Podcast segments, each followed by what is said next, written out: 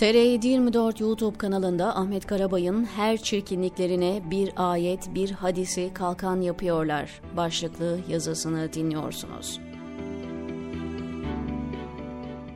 İktidarın seçim kampanyalarında muhalefete düşmanlık pompalanıyor. Aslında sadece muhalefet değil, adını koymak gerekirse toplumun yüzde altmışı şeytanlaştırılıyor. İktidarın en tepesinden en altına kadar hepsinin vicdanı rahat. Bunu ironi olarak söylemiyorum. Gerçekten çok rahat. Samimiyetle söylüyorum. Sizin vicdanınızdan bile rahat. Bugün çok sıkılacağınızı düşündüğüm bir konuyu yazmak istiyorum. Gerçekten sıkıcı olmaktan öte rahatsız edici bir konu. Onun için yanlış ifade etmekten ve yanlış anlaşılmaktan da çekindiğimi belirtmek isterim.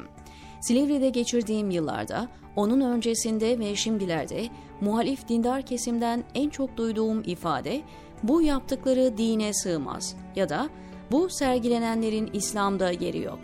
Ben de yıllardan bu yana benzeri ifadelerle karşılık veriyorum. Sizin yaptığınız ya da anlattığınız İslam'ın yanlış olup olmadığını bilmiyorum. Bildiğim bir şey var, o da bu adamlar yaptıkları her yanlışın kaynağını inandıkları dinden alıyorlar.'' İslamcılar iktidara gelmelerinin hayal olduğu yıllarda Türkiye'nin Darül Harp olduğunu savundular. Yani İslam kurallarının geçerli sayılmadığı, şeriat hükümlerinin uygulanmadığı bir ülke olduğu görüşündeydiler. Mustafa Kemal Atatürk'ün liderliğinde kurulan Türkiye Cumhuriyeti, laik bir ulus devleti olduğu anayasasında yazdığına göre burası İslam devleti olamazdı. Darul İslam ise İslam kurallarına göre yönetilen, şeriat hükümlerinin hayata uygulandığı, kısaca hayat tarzı olarak İslam'ı yaşayan ülkeler. O halde İslamcılara düşen görev bu ülkeyi Darül İslam yapana kadar cihat etmekti.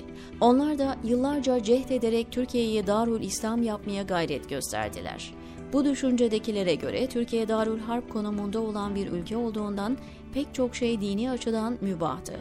Nelerin mübah sayılıp nelerin görülmediği konusuna girmeyeceğim. Merak edenler dijital dünyada pek çok bilgiyi kaynaklarıyla bulabilir. İslamcılar Türkiye'de iktidara geldikten sonra bir kısmının kafası karıştı, bir kısmı ise yeni bir yöntem geliştirdi.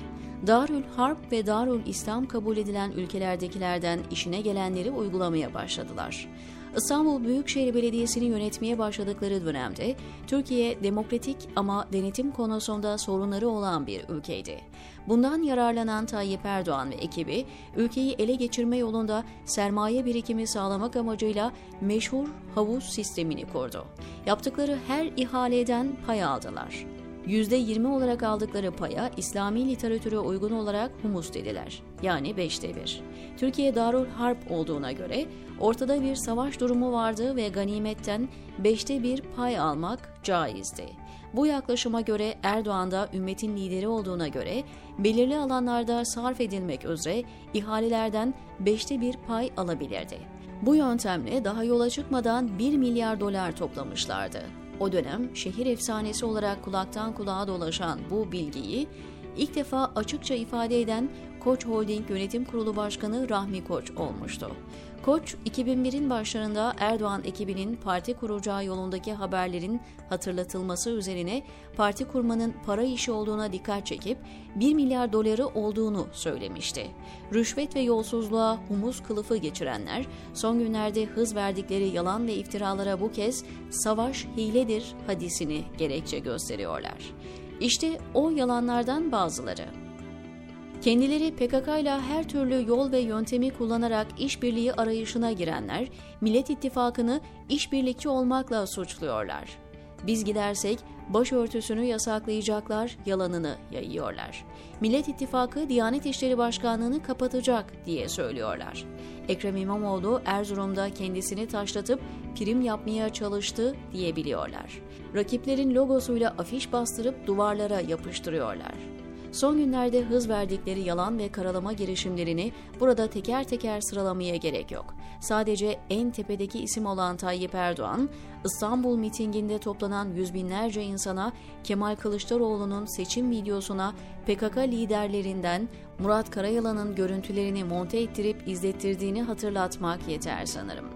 Bu görüntülerin gerçekle bir ilişkisinin olmadığını en iyi kendisi biliyor.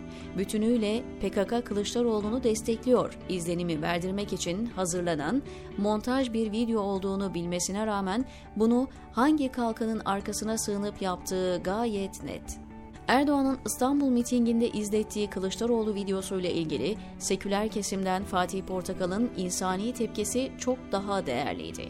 Fatih Portakal'ın Erdoğan'ın yaptığı sahtekarlığa yürekten feveran edişi zihinlere nakşedecek türdendi.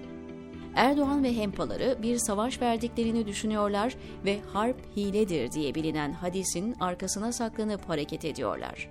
Bu hadis sahih midir, değil midir, zayıf mıdır, senedi muteber midir, değil midir bunlar benim konularım değil.